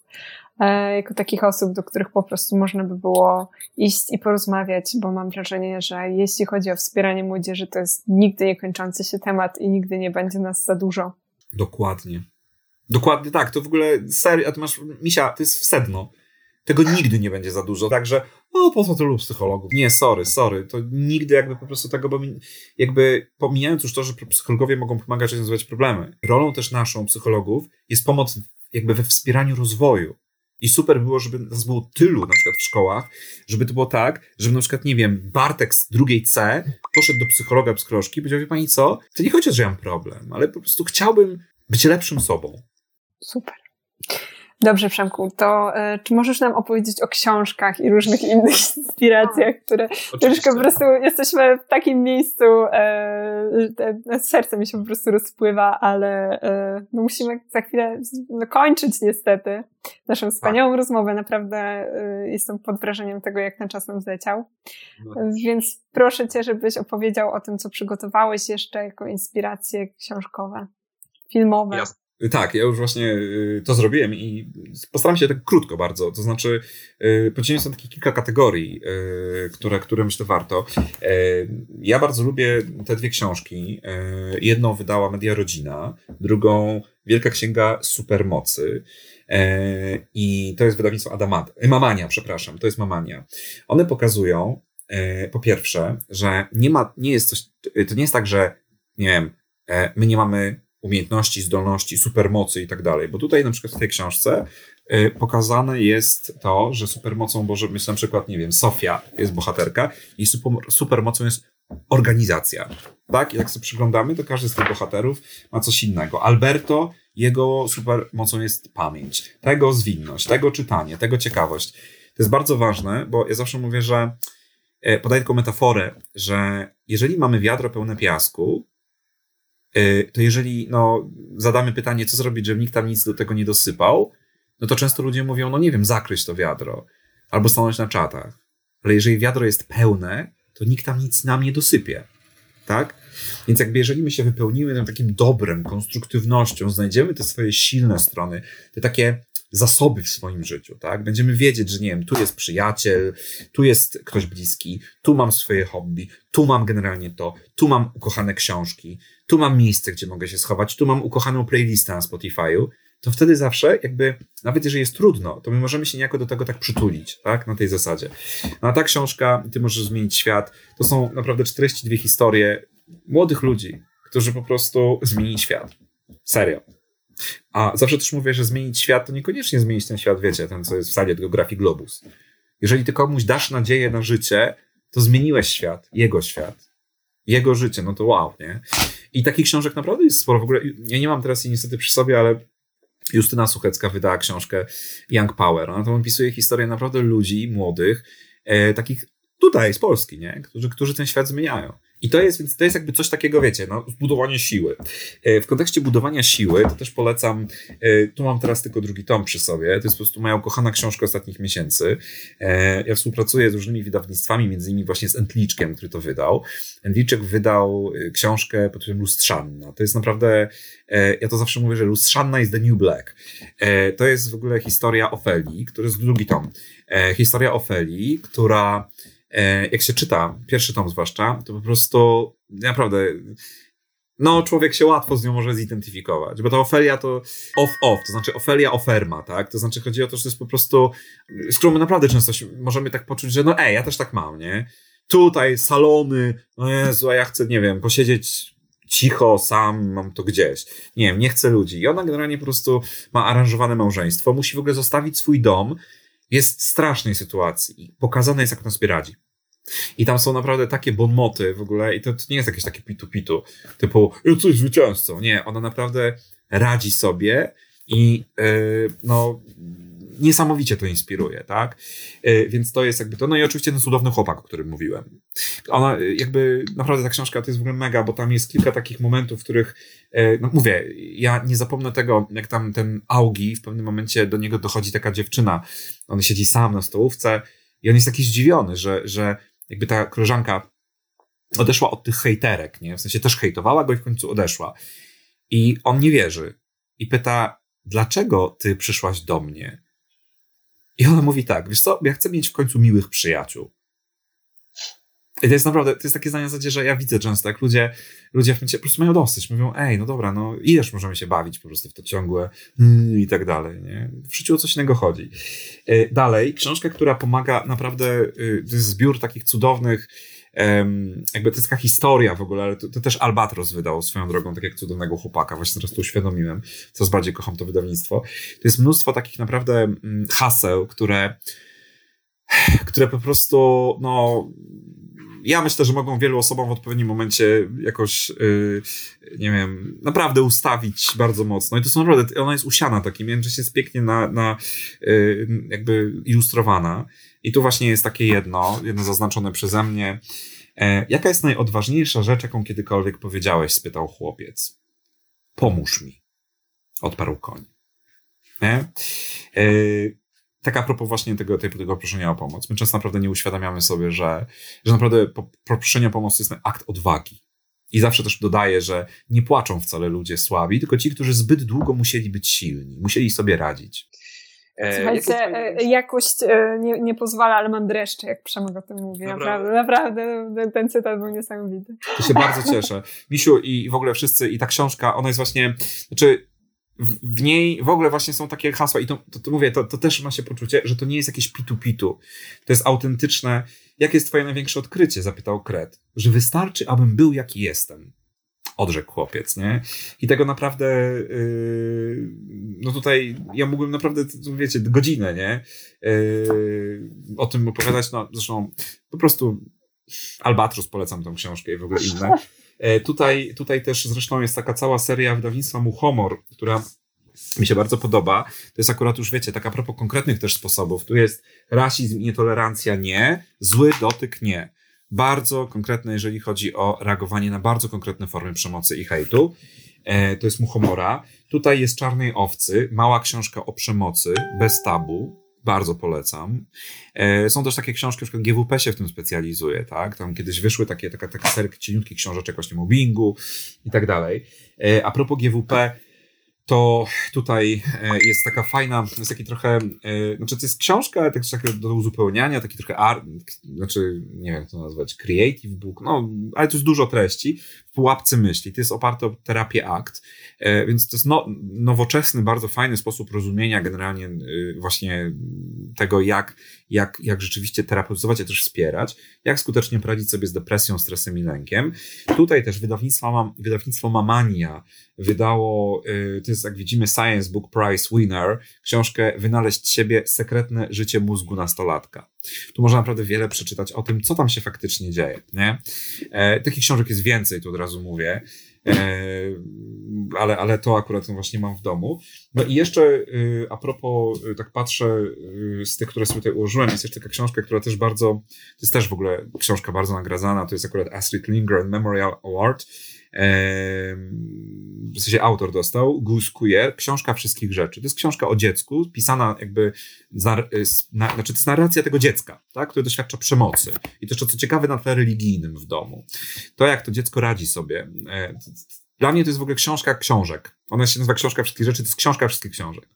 To jest tak obowiązkowa lektura, każdy, kto yy, naprawdę no, zmaga się z jakąś formą hejtu, przemocy, powinien to przeczytać. Serio.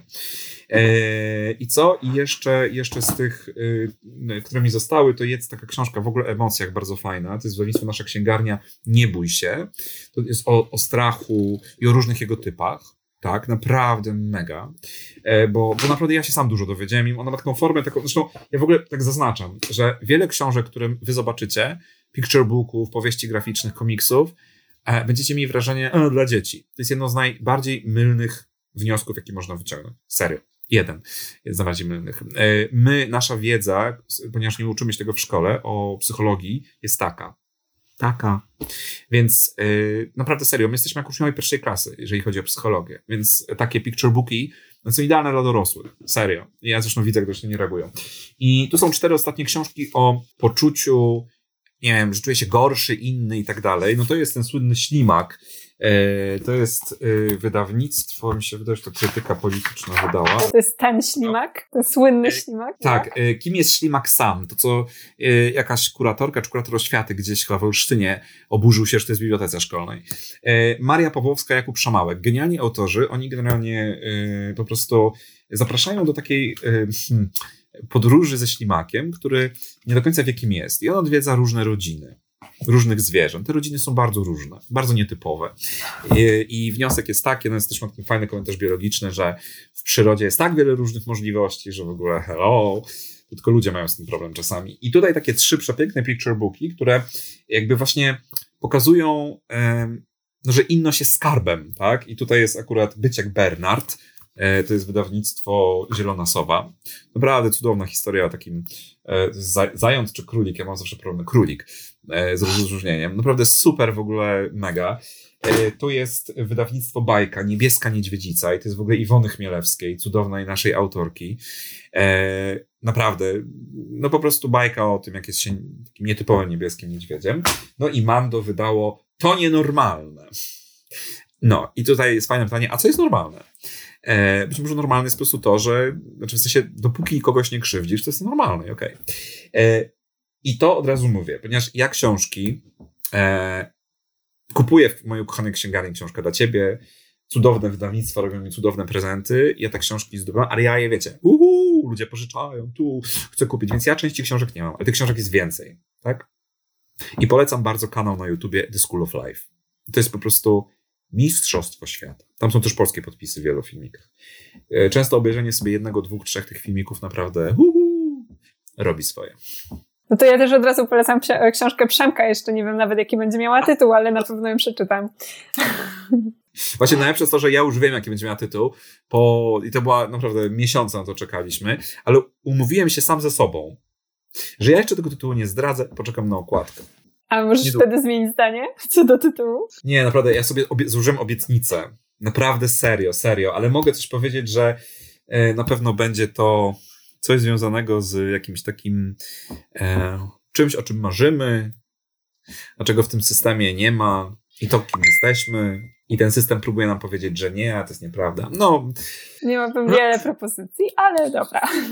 Spoko. Ale możesz mi napisać na privie misia i jak trafisz, to po prostu to ja ci zrobię prezent, jakąś figurkę pop. Naprawdę, serio mówię. O, super. I tak sobie myślę jeszcze coś takiego, że, że, że yy, jest tak, yy, teraz tak mi przychodzi do głowy a propos tych kanałów jeszcze, że jest w ogóle Kurzgesagt. To też jest świetne w ogóle, bo to często łatwiej tak tego. Natomiast ja, ja myślę, że, że zawsze też jest ważne, żeby gdzieś tam kończyć e, jakimś takim, nie wiem, symbolicznym czymś, e, gdzieś tam, jakby, nie wiem, żeby to tak wybrzmiało. E, ja zawsze, zawsze, zawsze przypominam każdemu, kto się zmaga z czymkolwiek trudnym, tak, że ja wyobrażam sobie, w sensie doświadczając sam wielu cierpień, w życiu, e, zrozumiałem, że życie nigdy nie będzie bezbolesne. Ale to nie o to chodzi. To chodzi o to, żeby ból nie zamieniał się w cierpienie niepotrzebne. E, tak jak napisał Haruki Murakami. Ból jest nieunikniony, ale cierpienie jest wyborem. I ja życzę tego, żebyśmy mieli siłę do tego, żebyśmy tam, gdzie nie trzeba, nie cierpieli i nie dawali cierpieć innym. Tak? E, na świecie za dużo jest tego cierpienia zupełnie niepotrzebnego. E, I też jakby zawsze staram się przypomnieć o tym, że naprawdę my możemy więcej często niż nam się wydaje. Naprawdę. E, I myślę, że nie wiem, gdybym miał tutaj jakąś metaforę na koniec zostawić, taką też związaną, gdzieś tam podsumowującą to, od czego zaczęliśmy, czyli właśnie to nasze, te nasze rozmowy, o tym, żeby właśnie doświadczyliśmy tego i tamtego. Ja zawsze mówię, że nasze życie jest jak droga. I niejednokrotnie się zdarza, że w tę drogę spadnie meteoryt i zrobi wielką wyrwę w ziemi. Niektórzy ludzie, znaczy myślę, że wszyscy wpadamy wtedy, nie? Siła uderzeniowa powoduje, że się znajdujemy w tej dziurze. Niektórzy ludzie już w niej zostają. Niektórzy ludzie zdecydują się wyjść, ale idą potem przez tą swoją drogę życia tacy zniszczeni. I tylko myślą, Boże święty, co tam się stało? Nie chcą się odwracać, nie chcą patrzeć na tę swoją drogę życia, bo tam jest ta wielka dziura. Ale niektórzy ludzie decydują się na to, żeby tam wrócić, zapłakać nad tym i posadzić tam, znaczy zwieść tam ziemię i zasiać, czy posadzić różne rośliny. I po latach, a może już nawet po miesiącach, tak się odwracają idącą drogą życia i patrzą, że o kurczę, ale tam wyrósł ogród. O kurczę, tam ptaki przylatują. Ojej, dzieci przychodzą i tam w ogóle owoce jedzą. I przychodzi taka refleksja. Ej, gdyby nie ta dziura, to nie byłoby tego ogrodu. E, ja w swoim życiu tego dokonałem i staram się dokonywać. E, zrobiło tak wielu ludzi, którzy zostali uderzeni przez życie. E, I po prostu życzę każdemu z Was, każdej z Was, żebyście byli tymi, którzy wrócą do tej dziury i coś tam posieją. Nie wiem, co jeszcze mogłabym powiedzieć na koniec. Kiedy zaczęłaś mówić o tym, że chcesz jakoś jeszcze e, domknąć temat, to przyszło mi do głowy skojarzenie oczywiście z Harrym Potterem i otwieram się na sam koniec, ale to nam się otwierałeś tutaj przez cały czas, więc nie byłoby to zasadne. E, dziękuję Ci bardzo, Przemek. Wspaniale spędzone, spędzone półtora godziny. E, mam do Ciebie taka, taką sugestię na następny raz. Wyznacz sobie nagrodę za e, skończenie w czasie. Bo sam, sam, samemu, e, no, Tobie zależało na tym, żeby skończyć e, szybciej, a widzisz, jak to się wszystko wydarzyło. Nie, niektórych rzeczy niestety nie można przewidzieć. Nie, no to tak, ale tak zupełnie serio, to jakby, żeby ktoś nie pomyślał, że tam, nie wiem, że ja teraz się denerwuję, że nie, odbiorę, nie odbieram z paczkomatu. Kochani, e, my z Misią e, jakby czujemy bardzo mocno potrzebę, e, jak zresztą w ogóle strefa psyche, po prostu właśnie wychodzenia z tym, czego, czego brakuje, tak? Więc jakby tak zupełnie serio to, to nie jest żaden problem dla mnie. się śmieję, że a mam jeszcze o 22 live'a, E, może dobrze, bo tak bym zasnął na przykład za dwie godziny i bym zasnął i bym się obudził w trakcie live'a, na którym miał być, a mnie nie będzie. Do, dobre rozmowy się y, mogą toczyć w nieskończoność, także dziękuję Ci bardzo. Ja Ci tak samo i naprawdę serio to mówię, to w, w rozmowie zawsze są, nawet jeżeli, o, gość webinaru, sorry, ale gość webinaru czuje się i ma poczucie, że takiego flow wtedy, kiedy, kiedy czuję się dobrze. Ja się czuję z tobą wow. Zresztą nie pierwszy raz, więc dziękuję ci po prostu. Dzięki. Dobrze, kończymy. To dziękujemy wszystkim, którzy nas słuchali przez ten cały czas. E, I dziękuję za wszystkie Wasze pytania, za to, że byliście tak aktywni, za to, że wytrwaliście z nami do końca. No i do zobaczenia przy kolejnych okazjach. Pa, pa.